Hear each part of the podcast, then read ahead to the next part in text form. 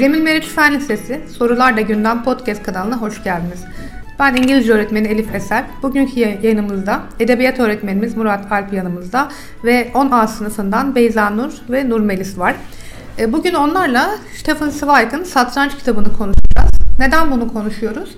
E, daha önceki yayınlarımızdan hatırlarsınız e, Murat hocamızla biz bu kitabı Pardon Murat hocamızın bir projesinden bahsetmiştik. Biz okuduk Haydi sen de oku diye. E, o şövalelerde satranç kitabı vardı. E, podcast ekibi olarak da e, biz hadi okuyalım dedik. Çünkü ben de daha okumamıştım. Spike'ın diğer kitaplarını okumuştum ama satrancı okumamıştım. Sıra gelmedi herhalde. Ben de okudum. Hazırım aslında bugünkü yayına. E, elimizden geldiğince, dilimiz döndüğünce bunlardan bahsedeceğiz. Ama e, biz bir değişiklik yaptık. Biraz sondan başlayacağız bu kitabı anlatmaya. Beyza ne dersin başlayalım mı? Tamam. E, gemiden indikten sonra doktor bir ruhunu tedavi edebildi mi bilmiyorum ama e, kitabın yazarı Stephen Zweig'ın son kitabı bu kitap olan Satranç'tı. Ve Zweig uzun uğraşlar sonucu ruhunu tedavi edemeyip eşiyle birlikte intihar etti. Bunun evet. üzerinden konuşacak olursak Stephen Zweig kimdir? Nasıl bir yazardır? Nurmelis bize neler söyleyebilirsin? Tabii ben e, size öncelikle Stephen Zweig'ın kısa biyografisinden bahsetmek istiyorum. Yazarımız 28 Kasım 1881'de Avusturya'nın Viyana şehrinde dünyaya gelir. İyi bir eğitim almıştır, edebiyatla lise çağlarında tanışır. Üniversitede ise felsefe eğitimi alır. Üniversitedeyken o zamanlar ünlü olan bir gazetede uzun soluklu bir işe başlar ve böylece birçok ünlü yazar ve şairle tanışma fırsatı bulur. Birinci Dünya Savaşı başladığında Belçika'da olan yazar Viyana'ya dönüp arşiv memurluğu görevini üstlenir. Kendisi bir asker olmak istemez. Çünkü savaşın bir vahşet olduğunu gerçekten bütün ayrıntılarıyla daha önce konuşamadım hocam. Olsun olsun kah devam etsin. Bu tür şeyler olur. Ee, ya şey oldum ya hocam. İktidara geçen 1934. 1934 yılında iktidara geçen Nazi hükümeti onun ülkesini terk etmesine sebep olur. Bu dönemde birçok önemli yazar ve şairin kitapları yasaklanıp yok edilmeye başlanmıştır ve Zweig da Yahudi olması gerekçesiyle özellikle bu listenin başlarında yerini alır. Eşiyle birlikte önce İngiltere'ye gider ve ardından ABD'ye, daha sonrasında ise Brezilya'ya yerleşmeye karar verir. Orada ölmeden önceki son kitabı olan ve bugünkü konuşacağımız kitabı Satrancı yazar. Zweig, Avrupa'nın içine düştüğü durumdan duyduğu üzüntü ve yaşamındaki düş kırıklıkları nedeniyle 22 Şubat 1942'de karısı Lotte ile birlikte zehir içerek intihar eder. Hocam Brezilya'ya gitti dedi.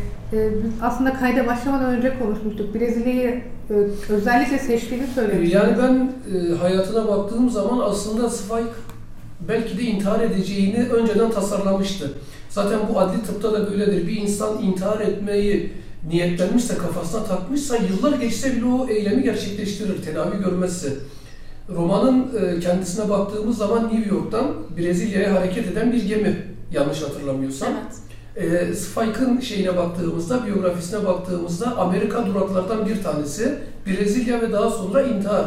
Dolayısıyla ben bu e, romanın Spike'ın intiharından önce yazıldığı zaten e, çok belli de bu aşamada intiharı bence şey yapmıştı. E, kafasına koymuştu, tasarlamıştı ve bunu da kahramanı üzerinden verebilmekte. Az önce Beyza'nın dediği gibi rehabilite edemedi kendini zannedersem. Kendi imkanlarıyla rehabilite edemedi ama romandaki avukat kendini satrancı öğrenerek rehabilite etmişti. Bir çıkış yolu yakalamıştı. Kendi yakalayamadığı çıkış yolu. Evet, yakalayamadığı. Kahraman tabii yaka, kahraman zaten yazarların e, büyük bir oranda yazarların en büyük özelliklerinden veya dikkate aldıkları veya e, isteklerinden bir tanesi kendi üzerinden, kendileri üzerinden yapamadıkları, tasarlayamadıkları, göremedikleri bazı şeyleri kahramanlara yükleyebilmek, o misyonu kahramana yükleyebilmek. Ben bu anlamda e, bu romanda Zentovich'ten ziyade avukatın Spike'ın ana kahraman olduğunu düşünüyorum. Ben öyle düşünüyorum. Peki kahramanlar demişken o zaman kahramanlara bakalım. Sentovic var. Başka kim var Beyza? Ee, avukatımız yani Doktor B var. Ben Doktor B'yi okuduğum zaman, kitabı okuduğum zaman hocamın dediği gibi ana karakterin aslında e, Sentovic olarak gösterilmesini ama aslında Doktor B'ye anlam yüklenildiğini anladım. Çünkü çok belliydi.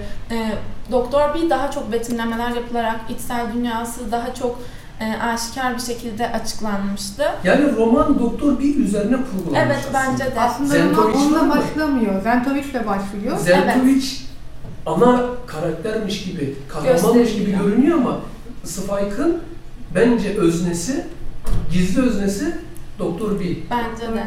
Peki. O zaman şeyle baş devam edelim mi? Zentovic nasıl bir karakter? Önce bir onunla başlayalım.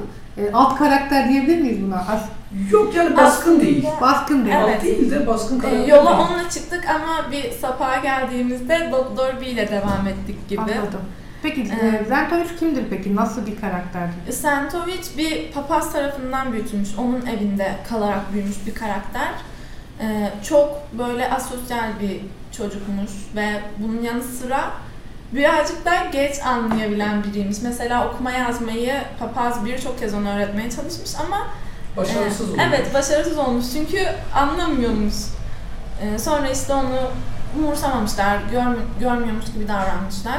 Ama bu papazın arkadaşları, e, yakınları evine geldiğinde hep bir satranç o, turnuvası düzenlermiş aralarında. Çünkü onların eğlencesi de bir nevi satrançmış. Ee, onlar hep dikkatlerini hiçbir zaman çekmemiş ama Santovic hep onların yanında masanın kenarında oturup o turnuvaları izlermiş. Ve bir gün e, papaz yine bir arkadaşıyla satranç turnuvasının ortasındayken kalkıyor masadan ve e, bir işi çıktığı için gidiyor acilen. Ve ondan sonra yo- oyun yarım kaldığı için papazın arkadaşı şey diyor. Tam kalkacakken Sentovic şey diyor. Ben de oturabilirim, ben devam edebilirim. O da böyle Bu cümleyi kurabiliyor yani. Evet, ya ilk defa konuşuyor diyebiliriz kitapta. Uzun sayfalar sonra ilk cümlesi bu tarz bir şeydi. Papazın arkadaşı da bayağı şaşırıyordu aslında buna. Nasıl benimle Evet. konuşabiliyor, cesaret edebiliyor Ondan gibisinden. sonra şey böyle birazcık daha e, egolu davranıyor arkadaşı ve diyor ki sen mi benimle oynayacaksın yani beni papaz bile yenemiyor sen mi yeneceksin tarzında konuşuyor. Sonra oynuyorlar ve ilk partı Sentovic kazanıyor. Sonrasında diğer partları da papaz gelene kadar o kazanıyor arda arda. Papaz gelince papaz buna papaza anlatıldığı zaman şaşırıyor. O da oynuyor, o da kaybediyor. Sonra bir tane görevli geliyor. Evin içinde çalışan bir görevli. O da oynuyor ve o da kaybediyor. Bu arada herkes satranç biliyor ama. Evet herkes biliyor. Yani ben de yani kurallarını falan bilirim ama çok iyi değilimdir. Bizdeki ama, dama gibi yaygın bir oyun sanırım onlar Evet, o zaman. tabii o, o O- zamanın şartlarına göre Evet. düşündüğümüzde tabii ki bu Daha saygın insanlar oynadığı Evet, için e, halk kesimi de sanırım e, ilgi duymuş ve bir nevi satranç halk arasında saygınlık getiriyor diyebiliriz bilmek bence. Peki böylece kahramanımız kendini belli Evet. etti. Evet sonrasında Sonrasında zaten nasıl gelişiyor olaylar? e, başarıya e, adım adım yükseliyor, zirveye oturuyor, dünya şampiyonluğu. Çünkü o zamanlar turnuvalar da çok yaygın. Evet, Ee, Bölge turnuvaları, turnuvaları. bahsediyoruz burada. Yani daha ön planda satranç günümüze kıyasla. Sonrasında bir gemiye biniyor. Ee, bir röportaj için yanlış hatırlamıyorsam gitmek için Brezilya'ya gitmek için bir yolcu gemisine biniyor. Ve o yolcu gemisinden inerken aslında bambaşka biri olarak ineceğini tahmin edemeden biniyor.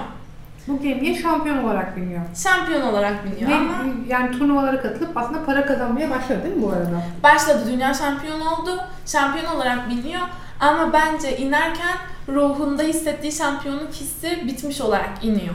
Bana kalırsa. Yani gemide neler gelişiyor, onu neler bekliyor, Ee, niye farklı bir Çünkü olarak iniyor? biraz böyle onun gemide olduğunu bilen insanlar, gemideki diğer yolcular onunla turnuva düzenlemek için birçok uğraş sarf ediyor. Sonra onunla bir turnuva düzenliyorlar, bir partlık bir oyun oynuyorlar. Ve e, Sentovic o kadar umursamıyor ki. Yani masaya bile oturmuyor. Onların Ayakta oynuyor aslında. Evet, Evet. Hemen diyor, bakıyor, taşını oynatıyor, geçiyor. Onlar orada yarım saat 3-5 kişiyle oynuyor. Tek bir kişiyle değil. Öyle de yüksek egolu yani. Evet, orada onlar yarım saat düşünüyorlar, Yüzlerine bile bakmıyor ciddi tartışıyorlar. alıp aslında. E, tartışıyorlar ve ters hareket ettirdikten sonra Sentovic geliyor, e, çayını içiyor, bakıyor, oynatıyor ve tekrar e, geminin ucuna doğru gidiyor. Peki karakterine biraz bakacak olursak aslında böyle biraz şeyini mi bastırmak istiyor bununla? E, zayıflığını hani böyle konuşamıyor, biraz geç anlıyor. Ama Evet. bir alanda iyi, biraz egosunu mu tatmin ediyor? Ne diyebiliriz? Evet ve hatta bu oturduğu partada bir ücret karşılığında oturuyor. Ee, çünkü şey diyor, ben oynayamam sizinle ücret karşılığı olmadan. Çünkü bağlı olduğu e, kişiler izin Organizasyon vermiyormuş. Evet, izin vermiyormuş ve para ödenerek onunla oynuyorlar, e, kaybediyorlar. Sonra e, Sentovic bunun üzerine tabii hiçbir şey hissetmiyor. Yani sıradan insanlar ona göre.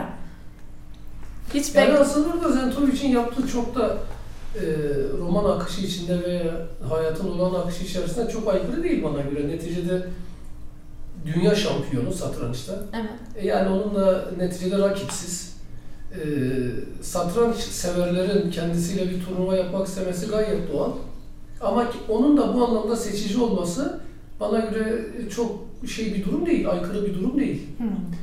Yani- Yani bence normal buraya kadar. Bir sıkıntı yok. Yani Evet. ben burada şey gibi düşünüyorum. Spike gibi düşünüyorum yani veya Zentovic gibi düşünüyorum hani neticede dünya şampiyonusunuz. E muhakkak o sizinle oynamak isteyen Evet. satranç severler olacaktır. Gün hani onların isteğini yerine getirseniz gün boyu hiç masadan kalkmamanız gerekiyor. O anlamda ben e, onu okurken, romanı okurken o kısmı beni çok da şey yapmadı yani. Hmm. Niye böyle yapıyor? İşte daha farklı olabilirdi demedim. Peki bir de gemide bir karakterle karşılaşıyor. Kimdir o? Yani onun farklı bir kişiliğe bürünmesine, ya ben öyle düşünüyorum. Gemide karşılaştığı bir karakter var ki birazdan getirecek. Ee, onu farklı bir kişiliğe büründürüyor Hı hı. bence. Yani hiç yenilmem diye düşündüğü, düşünen bir kişi, bir dünya şampiyonu hiç ummadığı bir yerde, ummadığı bir kişi karşısında yenilgiye uğruyor. İsterseniz ben bunun e, nasıl karşılaştığıyla ilgili biraz size açıklama yapayım. Çok iyi olur. E, hikayemiz biliyorsunuz ki New York'tan Buenos Aires'e giden bir yolcu gemisine geçiyor. Anlatıcımızın isteğine göre kendisi gemide McConnor adında bir adamla tanışıyor ve onunla ilk başta oynuyor. Sonrasında Çentovic'in dikkatini çekiyorlar ve Çentovic de para karşılığı onlarla oynuyor.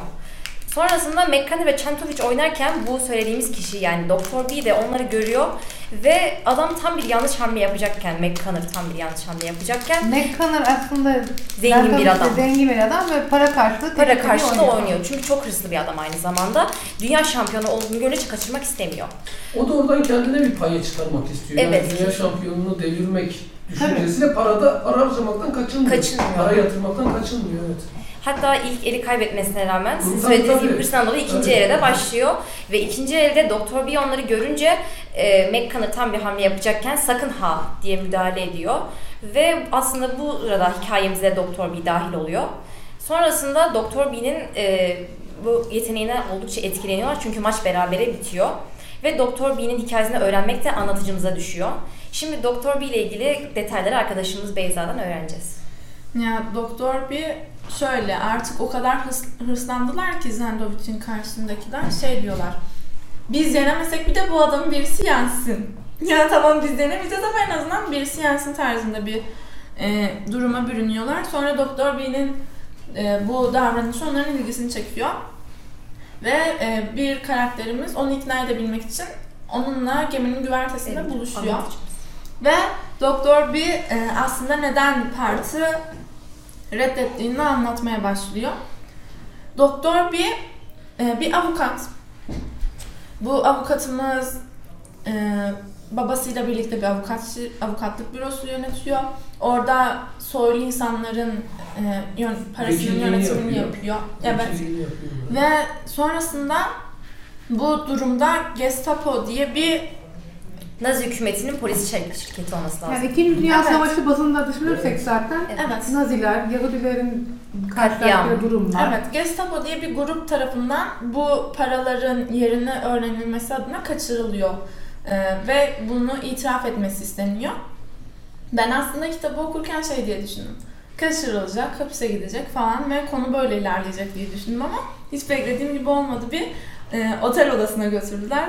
Şey dedim yani en fazla ne olabilir ki bir otel odası yani sonuçta. Normal yaşantımızı sürdüğümüz odalar gibi bir oda. Ee, odada kanepe, koltuk, işte yatak, pencere, lavabo, dolap, e, bir insanın ihtiyacını karşılayabilecek, temel ihtiyacını karşılay- karşılayabilecek birçok e, unsur var aslında. Tek bir fark pencerelerde parmaklıklar var. Bu da birazcık hapis olma hissini e, insana aşılıyor ama çok da önemli değil. E, Doktor B de aslında böyle düşünüyor. Yani hiçbir şey yok bu Onu odada. etkilemeyeceğini düşünüyor Evet bu durumun. öyle düşünüyor.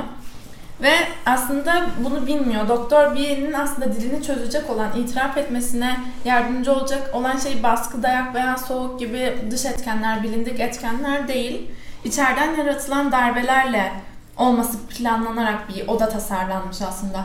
İlk başlarda e, etkilenmiyor ama zamanla ruhunun ne kadar darbe aldığını biz de göreceğiz zaten ilerleyen kısımlarda. Sonrasında Doktor bir normal bir yaşantı sürerken, normal bir yaşam sürerken e, sadece arada sırada bir gardiyanla birlikte Sorgu e, odasına sorgu gidiyor. odasına götürülüyor ve e, oradaki adamlar tarafından sorgulanıyor. Yani birkaç kişi dışında kimsenin yüzünü görmüyor. Farklı bir insan yüzü, sesi duymuyor. Odada herhangi bir kendine oyalayabileceği bir şey de yok. Hiçbir şey yok. Sadece temel ihtiyaçlarını Gazete, karşılayabilecek. kitap, yazı, kalem her şey yasak. Evet, kalem gibi e, kendine zarar vermesine sebep olacak e, sivri şey yok. eşyalar yok. Evet, hiçbir şey yok. İntiharı engellemek amaçlı. Ee, bu adam hiç kimseyle diyalog kuramıyor. Sadece işte sorulan sorulara karşılık veriyor sorgu odasında ve bitiyor. Gardiyan bile onunla hiçbir şey konuşmuyor. Kapı gece gündüz kilitli ee, ve bu odaya ve Doktor B'nin bedeniyle tümüyle hiçlik egemen açıkçası. Peki tek Doktor kelime- B'ye satrançla olan ilişkisine gelirsek. Doktor B belli bir süre bu hapis hayatını yaşıyor. Artık iyice çıldırır e, raddeye geliyor. Çünkü Yalnızlığın çıldırtan boyutunu artık yaşam, Evet. yaşıyor artık Evet. yani çıldıracak boyuta geliyor. Evet. Sonrasında- Satranç orada kendisi için bir kurtarıcı oluyor. Spike'ın Evet. aslında Yani o satranç geçmişi var. kitabına sahip olması bir e, kendisi Tabii. için bir kurtarıcı. Satranç kitabı nasıl geliyor oraya? aslında satranç kitabını alırken satranç kitabı olduğunu bile bilmiyor, bilmiyor. evet. Nereden alıyor bu kitabı? Kitabı sorgu odasına giderken, e, sorgu odasına girmek için beklerken asılı askıda bulunan palton cebinde bir kabarıklık görüyor ve onu büyük uğraşlar sonucu gardiyana gözükmeden alıyor. Hiçbir şekilde bakmıyor. Pantolonunun kemeriyle pantolonun arasına Peki burada aslına bakarsanız çok da güzel mesajlar var aynı zamanda. Yazarın e, kahraman üzerinden verdiği, bunu sosyal hayatımıza e, uyarlayabiliriz ve oradan çıkarımlar yapabiliriz. Mesela yalnızlığın insana yaptırtabileceği şeyler. Bir odada yalnız başına kalmanın çıldırtacak boyutu. Ve günlük hayatta belki de hiç ilgimizi çekmeyen aktivitelere mecburiyetten ilgi duymamız. Evet. Benim aslında en çok dikkatimi çeken şey şuydu. Doktor bir bir şekilde o kitabı alıyor, çalıyor, odasına götürüyor ve e, inceleyecek. Ama ondan önce benim değinmek istediğim çok kısa bir yer var. Çok tuhaf bir durum. Çünkü sen öyle bir mesleğe sahipsin ki e, avukatsın yani sen adaleti temsil eden. Kanun adamısın. Evet bir insansın ve hırsızlık yapıyorsun. Ama bu seni hiç umurunda olmuyor. Çalıyorsun kitabı ve direkt odaya gidip acaba konusu ne diyorsun? Asla e, aklına bile gelmiyor. Ben hırsızlık yaptım, nasıl yaptım hiç düşünmüyor. Ben de şu, İşte e, az önce sen e, Doktor B'nin kaldığı odayı anlattın ya bize. Hı hı. Yaşamsal hiçbir bulgu yok oyalayabilecek temel ihtiyaçlar dışında. İşte o durum Doktor B'nin tüm şey düşünebilmesini, standart düşünebilmesini Evet. alabora ediyor. Ve- Sağlıklı düşünemiyor Tabii yani. Evet ve sağlıklı bence düşünme yok. aslında Doktor B'nin psikolojik durumunu e, en çok nasıl anlayabiliriz, ne kadar kötü olduğunu nasıl anlayabiliriz diye düşünüldüğünde benim e, aklıma tek bu olay geliyor. Çünkü sen dediğim gibi bir adaleti temsil eden bir mesleği icra ederken hırsızlık yapıyorsun ve hiç umursamıyorsun. İşte bu insanın ne kadar kötü bir durumda olduğunu, kendini e, sadece kendini düşünebildiğini Yani demek ki şöyle söyleyebilir miyiz? İnsanın içinde bulunduğu durumlar insanda çok hızlı dönüşümlere sebep olabilir. Evet. evet, Psikolojik hızlı ve zor durumlar, dönüşümler. Tabii, psikolojik durumlar hızlı istenmeyen e, dönüşümlere şey olabilir, sebep olabilir. Evet. Yani beni en çok bu etkilemişti açıkçası. Kitabı alıyor gidiyor. Ne Evet. kitabı olduğunu bilmiyor. Ee, hayaller, çok büyük hayaller kuruyor işte şu kitap olsa, şöyle bir roman olsa, polisiye olsa, klasik olsa diye düşünürken Bir satranç Kitabı- görür görmez yaşadığı şeyi tahmin bile edemiyorum çünkü kendi e, mesleğini, kendi duygularını hiçe sayarak çaldığın bir nesnenin aslında senin e, yararına hiçbir şey Sayılar ve rakamların olduğu bir kitap aslında. Evet. Satranç tahtasının betimlemesi, şu diğer hareketler, E5, Evet. Y4 gibi işte. e, tuhaf bir durumda yani çok sinirleniyor ve hayal kırıklığına uğruyor. Ama birkaç saat geçtikten sonra bu duyguları üstünden attıktan sonra el mecbur kitabı alıp e, okumaya başlıyor. Çünkü Ne var bunun içinde ben bir bakayım diye. Yani en azından Hiç yoktan yazı- iyidir en azından. Hiçbir şey yapmamaktan iyidir. En azından yani bir yazı var içinde. Oyalanabileceği, Oyalanabileceği kendini bir şey. Kötücül düşüncelerden kendini alık, alıkoyabileceği bir şey var artık elinde. Döküman var, argüman var. Harfleri, kelimeleri o kadar aç ki önce kapağı inceliyor. Kapağın resmini, kapaktaki tasarımları teker teker bütün çizgisine ve ayrıntısına kadar inceleyip ondan sonra açıyor. Hemen açamıyor bile. Aslında o, en büyük oradaki ince detay ne biliyor musun? İçindekilerini tez elden okuyup da bitirmemek. Evet, Yavaş korkusu, yavaş. evet. Yani o korku. Çünkü ne kadar kazacağını bir şey yapamam. Ne, ne, ne bulacağım derken Aslında- bir de burada diğer bir şey çocuklar insan toplumla birlikte birey toplumla vardır. Birey tek başına hiçbir şey değildir. Toplumla birlikte vardır. Birey toplum için çok önemli, toplumda birey için çok önemli. Ben buradan o satır aralarından o mesajları da aldım. Öyle düşünüyorum. Aslında şunu da düşündüm ben. Ee, orada bir odada zaman kavramını e, ölçebileceği bir saat bile yok. Ve aslında o zaman kavramını artık yitirdiği için daha bir şeye başlamadan sonunu düşünüyor ve ona göre hareket etmeye başlıyor. Bu birazcık da onda paranoyaya sebebiyet vermiş bence. Ben de bir kitap düşkünü biri olarak şey düşündüm. Yani aslında e, temel yaşam için her şey var orada ama kitabın da bir temel ihtiyaç olduğunu yani okuma ihtiyacını bir avukat sonuçta her şeyi var. Evet yaşamı yaşıyor mu? Yaşıyor. Ruhun ihtiyacı aslında. Ama ruhun buna büyük ihtiyaç duyduğunu aldığı kitap e, satranç kitabı ne olduğunu bilmiyor ve Nur Melis'in dediği gibi uzun bir süre açmıyor. Detaylarına bakıyor, kapağını her ince yerine ondan sonra açıyor. Kitabın içini açtıktan sonra satranç olduğunu anlıyor mu? Satranç oynamayı bilmiyor benim hatırladığım kadarıyla öncesinde. Ya evet bilmiyordu. Ee, bir çaresizlikle o kitabı açmaya başlıyor ve e, ilk başta anlamıyor doğal olarak. Kimse anlayamaz. Çünkü bir e, Teknik olarak çünkü. olmadan, hı. evet bir betimleme olmadan ilk defa bir şey öğrenilmesi Somut çok zor. kavramlar olmadan sadece bakarak. Yani pratik yapmadan, Evet, teori, evet. teori üzerinden öğrenilmesi. Evet. Satrancı satranç tahtası olmadan Tabii. öğrenecek bir kitaptan eşyası değil mi? olmadan. Evet. Evet ya okuyor. Peki buradan şu da çıkabilir mi bana göre? Yani şu da çıkabilir. İşte bizler, tüm insanlar öyleyiz. Bizim hala daha kendimizi keşfetmediğimiz yönlerimiz çok fazla. Kesinlikle. Her insan için geçerli bu. Keşfetmediğimiz yönlerimiz çok fazla. Bu keşifler ne zaman karşımıza çıkar? Zor anlar. Ya zor anlarımızda, ya sevinçlerimizde veya başka pozisyonlarda, hayatın olağan akışı içerisindeki ba- başka pozisyonlarda. Bana göre zeki e, ve zirvede olan insanların büyük bir bölümü kendilerini keşfettikten sonra elde ettikleri fetihleri anlamlı kılıyorlar. Benim bu anlamda da bir sözüm var. İnsan kendini fethet, keşfettikçe çok güzel fetihler elde edecektir. Kesinlikle. Kendini tanıdıkça Tabii kendini keşfetmen Hı. lazım, bilmen lazım. Şu anda biz sadece kendimizin çok az bir kısmını biliyoruz. Çünkü niye? Standart bir yaşam var, zorlayıcı, evet. e, teşvik edici, e, heveslendirici bir durum yok. Standart bir yaşam içerisinde bunu günlük aktivitelerimizi yapıyoruz, günlük ihtiyaçlarımızı gideriyoruz. Ama çok farklı bir ortamda, çok farklı bir e, şeyde, Duygu e, içerisinde. kulvarda veya duygusal, düşünsel anlamda çok farklı bir kulvarda olduğumuz zaman vay be benim bu yönüm de varmış dediğimiz zaman işte eşittir kendimizi keşfetmemizin ana yoluna girmekteyiz diye düşünüyorum. Doktor bir de bu yaşadığı durumda farklı bir yönünü keşfediyor. Evet. Sonrasında e, birazcık daha evet anlıyor. Bazı cümleleri, bazı kelimeleri anlıyor ama biraz daha somutlaştırmak, daha iyi öğrenmek için yatak örtüsünün karelerinden ve e, yediği yemeklerin ekmek kırıntılarını birleştirerek piyonlar ve satranç tahtası. Bakın ben size bir şey daha söyleyeyim. Romanlar arası ilişki olsun. E, Yani öyle bir literatürde öyle bir şey yok da kavram. Ben şu an için geliştirmiş oldum. E, şeyi okudunuz. E, adada tek başına kalan eserin ismini ben çıkaramadım. şu an. E, Robinson Crusoe. Robinson Crusoe. Bak bu gemi de. Brezilya'ya gidiyordu. Brezilya'da bir şey var o zaman. Bir mesaj var. gemi Bir kaza yapıyor. Bak gemi kaza yapıyor. 14 kişiden kurtulanlardan bir tanesi Robinson Crusoe. Robinson Crusoe'u ben söyleşilerimde, konferanslarda 6 bölümde inceledim. Sadakat, korku, insanoğlunun yeni ortama ayak uydurması, diyalog, ilişki şeklinde falan filan.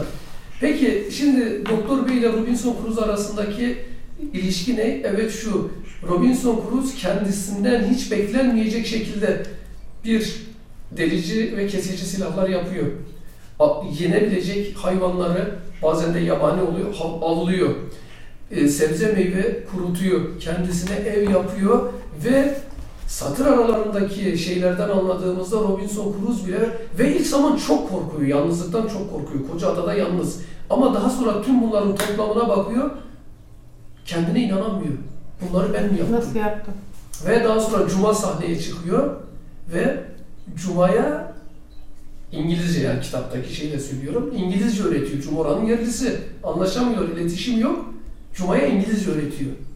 Ve daha sonra 20, zannedersem 19 yıl mı 26 yıl sonra gelen Robinson Crusoe'u almaya gelen gemi Robinson Crusoe bir yere gitmek istemiyor artık. Diyor ben burada kendime bir dünya oluşturdum bu adada.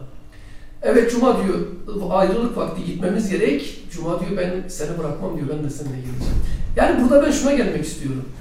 Doktor B'de Robinson Crusoe'da demek ki yalnız başına kalındığı zaman insanın inşa edemeyeceği, tesis edemeyeceği gerek düşünsel anlamda gerek fiziksel anlamda hiçbir şey yoktur diye düşünüyorum. Evet çok doğru bir tespit. Hatta ben kitabı da not almışım. Tam üstüne basıp konuşmuş olduk. Yalnızlık insanı nasıl etkiler diye. Çok e, burada çok olumlu etkilemiş. Yani, Doktor yeni- B'de kendi Robinson. Crusoe bana göre bunun en somut örnekleri romanlar üzerinden Evet. gidersek. Ya evet bence de sonrasında işte dediğim gibi bir kendine yapabildiği kadar bir satranç tahtası ve taşları yapıyor. Ekmek art, ekmekler, Ekmek parçalarıyla. kırmızıları, Evet. yemekten sakladığı. Evet. Sonra oynamaya başlıyor, oynuyor, oynuyor. Bütün artık kitabı ezberleyene kadar oynuyor. Ve sonrasında artık o kadar kendini geliştiriyor ki bir hamleyi yap, yapmadan önce sonrasından sonraki 5-4-4-5 hamleyi de öğreniyor. Zihnin içerisinde Zihninde, yankılanıyor bunlar. Kendi Yani Doktor anlıyor, tüm maçları kendiyle yapıyor. Karşıda Evet, kimse rakibi yok. kendisi. Hiç kimse yok. Evet ki- ve bu daha zor herhalde. İki kişi Evet. yerine düşünmek zorunda. Hem kendi Evet. yerine düşünecek hem rakibin Evet. yerine düşünecek. Ve kendini aslında yenilmemek adına oluşturduğu bir hamleyle aynı zamanda karşı taraf olup o yeni, yenilemeyeceğini düşündüğü hamleye karşı bir hamle oynuyor. Yani kendi kendine yenilmemeye çalışıyor. Kendiyle çelişiyor. Satranç zaten çok yönlü düşündüren bir oyun. Bir de bunu iki kişi için Evet. düşünüyorsun. Ve Bir beyin kişi- içerisinde gerçekten zor bir durum. Ama artık ona alışıyor. Aslında bu birazcık daha sonraki süreçlere baktığımızda Doktor Bey'in bu biraz daha katlanabilir bir durum. Sonrasında artık ezberlemiş, hepsini anlamış. Bu sefer kendisi oyunlar oluşturup beyninde somut bir nesne olmadan oynamaya başlıyor. Zihinden. Evet ve aslında e, bu burada Doktor B'nin psikolojik açıdan bütün sıkıntıları e, gün yüzüne çıkıyor. Çünkü e, somut bir nesne olmadan kendi içinde oynadığı bu oyunda e, karşı tarafı yani yine kendisi değil bence. Çünkü buraya bir bu otel odasına bir e, nasıl anlatsam haksızlık sonucu giriyor ve buna hiçbir şey söyleyemiyor, hiçbir şekilde inkar edemiyor, kendini savunamıyor ve dünyaya karşı e, çok sinirli. Sesini çıkartamıyor aslında. İçini Sonrasında- çıkaramadığı bir ses. Sonrasında e, Öfkeli bir mi? tarafı evet öfkeli Evet. ama Az bir önce- yandan da Az önce Melis Spike'ın şeyini okuduğu zaman, biyografisini okuduğu zaman öfkeliydi. e, öfke vardı. Bir şeyleri öfkeliydi. evet. Ben Yani öyle satı, öyle gördüm, öyle duydum. Acaba bu öfke Spike'ın Hayata olan öfkesi olabilir. işte kahraman Kendini ifade etmesi olabilir. Evet. veriyor. kendisi de hayata karşı bir Evet. öfke duyuyor, bir nefret duyuyor. Aynı zamanda karakter de farklı yönlerden bakıyorlar Evet. ama ikisi de aynı pencereden bakıyor hayata. Ee, sonrasında aslında bence bu Doktor B'nin e, içinde kendisiyle değil, kendi kendinin kötü tarafıyla oynuyor bu oyunu. Ve zaten sonrasında ateşleniyor. Çünkü katlanamaz boyuta geliyor. Kendi kendine bağırıyor. Hadi oyna artık oyna. Aslında bağıran da kendisi değil, kötü tarafı. Artık e, bedenini de Farklı yüzlerimiz ortaya çıkıyor. Evet, o zor kötü fikirler bedenini de bence artık zapt etmiş durumda ve e, onu kendisine karşı kışkırtıyor diyebilirim. Ve ateşlenip doktora kaldırılıyor. Doktor da e, sanırım arka, aile dostları gibi bir şey çıkıyordu ve bir şekilde o hastaneden, o otel odasından çıkmasına yardımcı oluyor hasta bu insan diyerek. Ve doktor bir Brezilya'ya giden yolcu gemisine binmiş oluyor. Böylece e, da, ya da Sentovic dediğim kahramanımız derken ikisi de kahraman karşılaşmış oluyor. E, bana çok ilginç geldi bu anlamda. Yani ben hiç biraz da görsel bir insan olduğum için herhalde görerek öğreniyorum çünkü. Öyle bir oyun öğrenebilir miydim? Satranç zaten çok iyi oynayamıyorum gördüğüm halde. Böyle zihinden oynamak, hocam bahsetti. Doğru anda çok müthiş bir yetenek ortaya çıktı Evet. aslında. İşte biz bunlara insandaki gizil güçler veya insanın kendini bilemediği giz, gizil yönleri ortaya çıkıyor. Evet. Bakın bu şeyle e, kahramanla, Spike'la e, Doktor Bey'e benzer bir şey daha söyleyeyim size. Hemingway'in Çallar Kimin için Çalıyor romanı var. Robert Jordan var. Kahramanı. E, iç savaşta, İspanya iç savaşta anlatan bir şey. Çallar Kimin için Çalıyor romanı. Hemingway intihar etmiştir. Gerçek hayatta intihar etmiştir. İngiliz yazar. Evet, intihar etmiştir Hemingway. Yani aldığı beylik silahıyla kendini vurmuştur. Babası da intihar etmiştir zaten Hemingway'i. Romanın sonunda Robert Jordan mücadeleyi kaybediyor. Düşmanların arkasına şöyle bir an baka kalıyor, yerinden kalkamıyor. Elini silahına götürüp tam intihar edecekken vazgeçiyor. Ben orada onu okurken dedim herhalde intihar edecek çünkü Hemingway de intihar etmişti. Yani insanların gel gitleri bazen gel gitleri yazar açısından kahramanlara yüklediği şeyler yazarların belki de kendi düşünsel anlamda yansımaları da olabilir. Hayata bakacak. O yüzden ben Spike'la Doktor e, öfke anlamındaki şeyini ortaklaştırdım. Bu şeyde de var, Hemingway'de de var. Okursan çanları kimin için çalıyor da Robert Jordan'ın bir an için intihar etmesi. Kafasını silahına götürüp daha sonra vazgeçmesi. Ama Hemingway bunu yapıyor günlük hayatta. Yani kendi Hayatına karakterini romanına yansıtıyor aslında. Tabii tabii var yani. Kendi karakterini tabii. veriyor. Yani bunu e, çok şey de görebiliriz, aşikar bir şekilde de görebiliriz, gizli bir şekilde de görebiliriz. Ee, ve sonrasında işte doktor bir gemiye biniyor. Ee, ben de bu hikayesini dinledikten sonra Doktor B'nin neden part bir satranç parti oynamak istemediğini anladım. Çünkü en son e, delirme raddesine gelmişti. Ateşlenerek hastaneye kaldırılmıştı. Ve açıkçası ben de olsam ben de oynamak istemem. Çünkü kendini zar zor toparlamış. Dışarıdaki hayata daha adapte Ha olamamış. bir de satranç oynamasını doktor yasaklıyor değil mi? Öyle bir şey Evet de var. doktor Biraz- yasaklıyor diyor ki yani artık zaten çok kötü bir durumdasın. Biraz daha ileri Tekrarlayabilirsin son hatta radde o krizini tekrarlar. Son raddede de artık kimsenin elinden hiçbir şey gelmez. Sen bile artık e, benliğini kaybedersin diyor. Belki de kendi oynamak istemediği için e, Bay, Bay Kanar'ı şey yapıyor. Ön plana Evet. atıyor. Hani sen oyna ben söyleyeyim gibi. Evet. Ama sonunda dayanamıyor herhalde. Evet, e, karakterin ısrarlarına dayanamayıp Sadece tamam bir diyor. el. Yalnızca bir el diye anlaşıyorlar. Bir elden fazla oynarsam beni durdur da diyor. E, beni eğer kendim kendimi durduramazsam artık e, kendime sözümü geçiremiyorsam sen beni gelip durdur diyor. Gerekirse e, oyunu kapat ve beni o masadan kaldır diyor. Sonra zamanı geliyor ve Doktor bir Zentovic ile bir masada karşılaşıyor. Beraber oturuyorlar. Ee, ilk partta sanırım Zentovic herkesin önünde yenilmemek adına e, bu oyundan geri çekiliyor. Taşları Ve- dağıtıyor. Evet ve bir parti daha teklif ediyor. Bu sefer parasız teklif ediyor. Çünkü e, bu sefer de karşı taraf yani Sentovic hırs yapıyor. Ya bu ayrıca mesela taşları dağıtması, Zentovic'in taşları dağıtması, zirvede olan bir kişinin yenilgiyi görem, görmemek iste- istemesi, Kendine kabullenememesi, yedirememesi. Evet. yedirememesi, Kendine ortada yediremiyor. bırakması olayı. Yani bir de bakın burada şu var, yazar insan davranışlarını çok güzel yansıtmış kahramanlarına, çok güzel vermiş. Burada Evet. bence değinilmesi gereken bir nokta da o. Günlük hayat içerisindeki tüm davranışları çok gerçekçi bir şekilde kahramanlara verilmiş. Yani sırıtan hiçbir şey yok.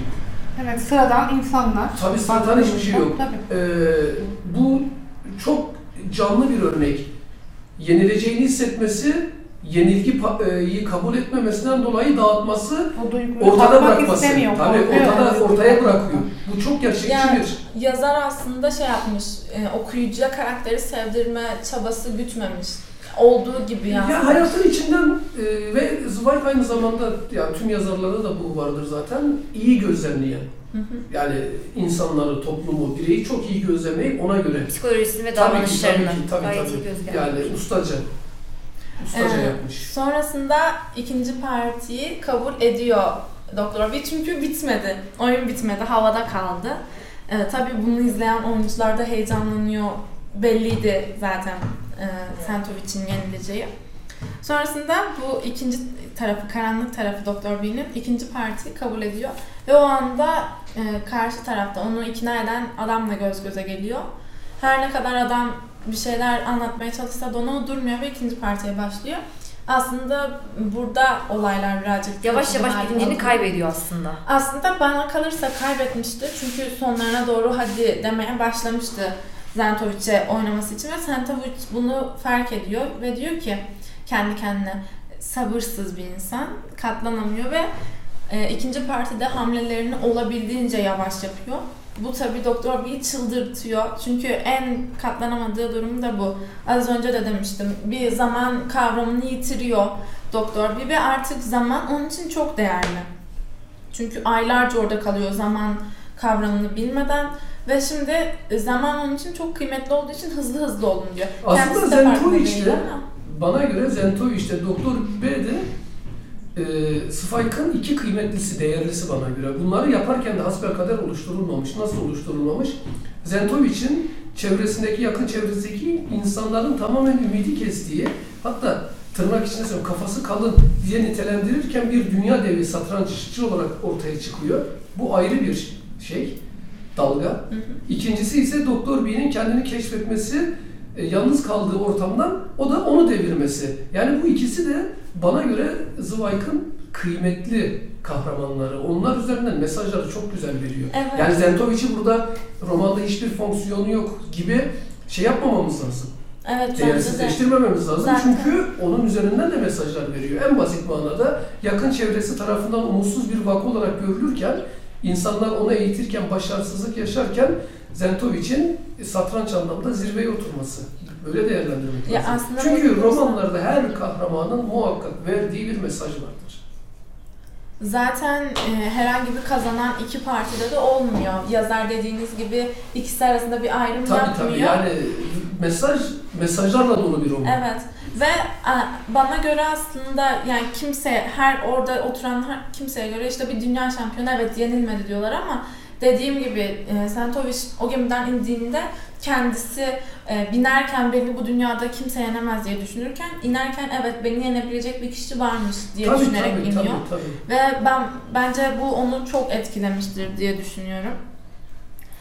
E zaten normal günlük yaşa, yaşa şeyde de hayatımızda da öyle değil mi? Yani e, başarılı olursunuz, olursunuz, olursunuz. Daha sonra ne olur?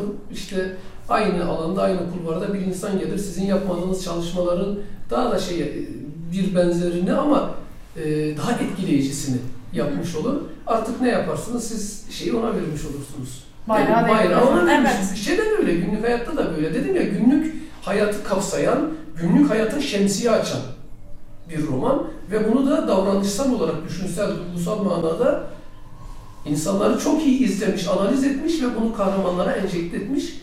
Bence sosyal mesaj anlamında da günlük hayattaki e, karşılıklar, kahramanların karşılıkları anlamında da çok güzel bir roman. Evet, zaten Schweig'in kitaplarına baktığımda ince kitaplar ama e, İçi konuş- dolu dolu. içi çok dolu dolu, karakterler çok güzel analiz edilmiş. Daha önce kitaplarında da bir günde bitiyor yani. Yani zeka ürünü karakterler, zekayla örülmüş. Hı hı. Yani hani ince kitap bir günde bitiyor eyvallah. Kolay da yazılmıştır gibi belki algılanıyor ama Evet. kesinlikle mesajları çok fazla. Peki Beyza toparlayacak olursak bu kitapta seni en çok etkileyen ne oldu? Ee, bana kalırsa beni en çok etkileyen Doktor B'nin tam evet Doktor B artık gitti dediğim anda hiçbir şey olmadan o otel odasından sapasağlam bir şekilde çıkması ve hayatına devam etmesi, korkmadan tekrar o satranç masasına oturabilmesi benim için çok farklıydı. Çünkü ben artık yapamaz. Yani ümidi kesilmiştir. Gider e, bürosunu da kapatır. Normal bir yaşam sürür diye beklerken hiç beklemediğim bir şey oldu ve o satranç masasına oturdu ve bence bu çok büyük bir cesaret. Çünkü sen yaşadığın kötü olayların bir daha yaşanmasını göze alarak oraya oturuyorsun. Ve gerçekten bir erdem Doktor olarak Bey için mi söylüyorsun? Evet. Bence Doktor Bey bu anlamda çok rahat. Rahatsız olan Zentovic olmalı. Doktor Bey kazanırsa ne ala. Kaybederse zaten kaybedeceği bir şey yok. Bunu en çok düşünmesi gereken, kaybetmeyi en çok düşünmesi gereken, tasalanan, tedirgin olan bence Zentovic olmalı. Doktor Bey için bence gayet rahat bir turnuva olmalı diye düşünüyorum. Çünkü Zentovic karşısında kaybetse de kaybedeceği bir ünvanı yok bana göre. Sıradan bir Doktor- vatandaş Tabii olarak sıradan orada. ama kazanırsa çok şey kazanıyor ve kazandı. Ama doktor bir tamam o doktor bir değil ama o masada oturan onun karanlık tarafı ve o aslında artık kaybetmek istemiyor. Çünkü hayatını kaybetmiş. e, elinden alınmış hayatı ve birçok aylarca vakit, vaktini kaybetmiş ve artık bir şeyleri kaybetmeye tahammül edemiyor. Ve e, Doktor B değil belki ama Doktor B'nin karanlık tarafı o masada o masadan kalkarken bir zafer elde etmeyi bence amaç gütmüştü. Ya onun hayata tutunması için çok önemli bir vesile olacaktır. Ama Evet. pa- ünvan anlamında ben o durumda olmuş olsam ünvan ama anlamında hiçbir kaygım olmaz. Gayet o rahatlıkla masaya otururum. Tedirgin olması gereken Zentovic olmalı. Belki de ondan kazanıyor. Tabii ondan Yani kazanıyor. o rahatlıkla. Tabii o rahatlıkla. Zentovic de eğer yani Ama romanın tedirgin dünyasına tabii romanın dünyasına girecek olursak, Zweig'a müdahale edecek olursak ki etmemeliyiz ama tedirgin olan Zentovic, gergin olan Zentovic. Bir final müsabakasını düşünsenize. iki takım var. Hı hı. Ee, takımlardan bir tanesinin rövanşta, birinci maçta gayet rahat gol üstünlüğü var, skor üstünlüğü var. Daha rahat şeye çıkıyor, sahaya çıkıyor. Diğeri ise o farkı kapatıp ayrıca gol atması gerekiyor. Şimdi burada rahatlık çok önemli. Rahat hareket edebilmek çok önemli. Belki de, bilmiyorum belki senin dediğine de katılıyorum ama belki de orada Doktor B'ye kazandıran rahatlığı, kaybedecek hiçbir şeyin olmaması. olabilir. Olabilir, bilmiyorum. Ya bu yorumlar çok şey Değişir, yapmak, evet. değiştirmek Evet. yani, evet. Çok Biz de zaten hani bir doğruyu aramıyoruz. Tabii, tabii. Güzel bir sohbet Tabii ya, gerçekleştiriyoruz. sohbet bizimki evet. Nur Melis sen böyle seni en çok etkileyen ne oldu? Açıkçası beni en çok etkileyen şu oldu. Ben Murat öğretmenime katılıyorum çünkü Çentovic'in kaybedebileceği bir ünvan var ve Doktor bile berabere kalmasına rağmen bunu göze alıp belki de yani tabirimizle rezil olma gibi bir şeyi göze alıp onunla oturmasını ben gerçekten etkilendim. Özellikle mesela taşları da kenara attıktan sonra ikinci bir defa tekrardan herhangi bir bahane uydurmadan masanın başına oturması beni gerçekten etkilemişti. Ben orada bir daha oturmayacağını düşünüyordum. Ama demek ki bunun için cesareti varmış ya da belki de kendisini gerçekten artık kanıtlamak istiyor. Çünkü artık kendisinin şampiyonluğuyla böyle o konuşamamasını, içine kapanmışını bastırmaya çalışıyor. Ve bu maçı gerçekten kazansaydı kendi gerçekten iyi hissedeceğini düşünüyordum. Bu yüzden belki de buna oturmuştur diye düşünüyorum. Evet. Murat Hocam ekleyeceğiniz bir şey var mı? Yok, söylediklerim yeterli diye düşünüyorum. Bence gayet güzel bir söyleşi oldu. Aslında keşke biz e, kayda başlamadan öncekileri de Evet. daha önceden çekseymişiz. çok daha güzel şeyler, yani nasıl diyeyim, çok daha uzun olurdu belki. Daha detaylı inceleyebilirdik. Doyurucu biraz daha. Evet. Cemil Meriç Fen Sorularla Gündem Podcast kanalında bugün e, Stefan Zweig'ın Satranç kitabını konuştuk. E, dilimiz döndüğünce, elimizden geldiğince dinlediğiniz için çok teşekkür ederiz. Bir dahaki yayında görüşmek üzere.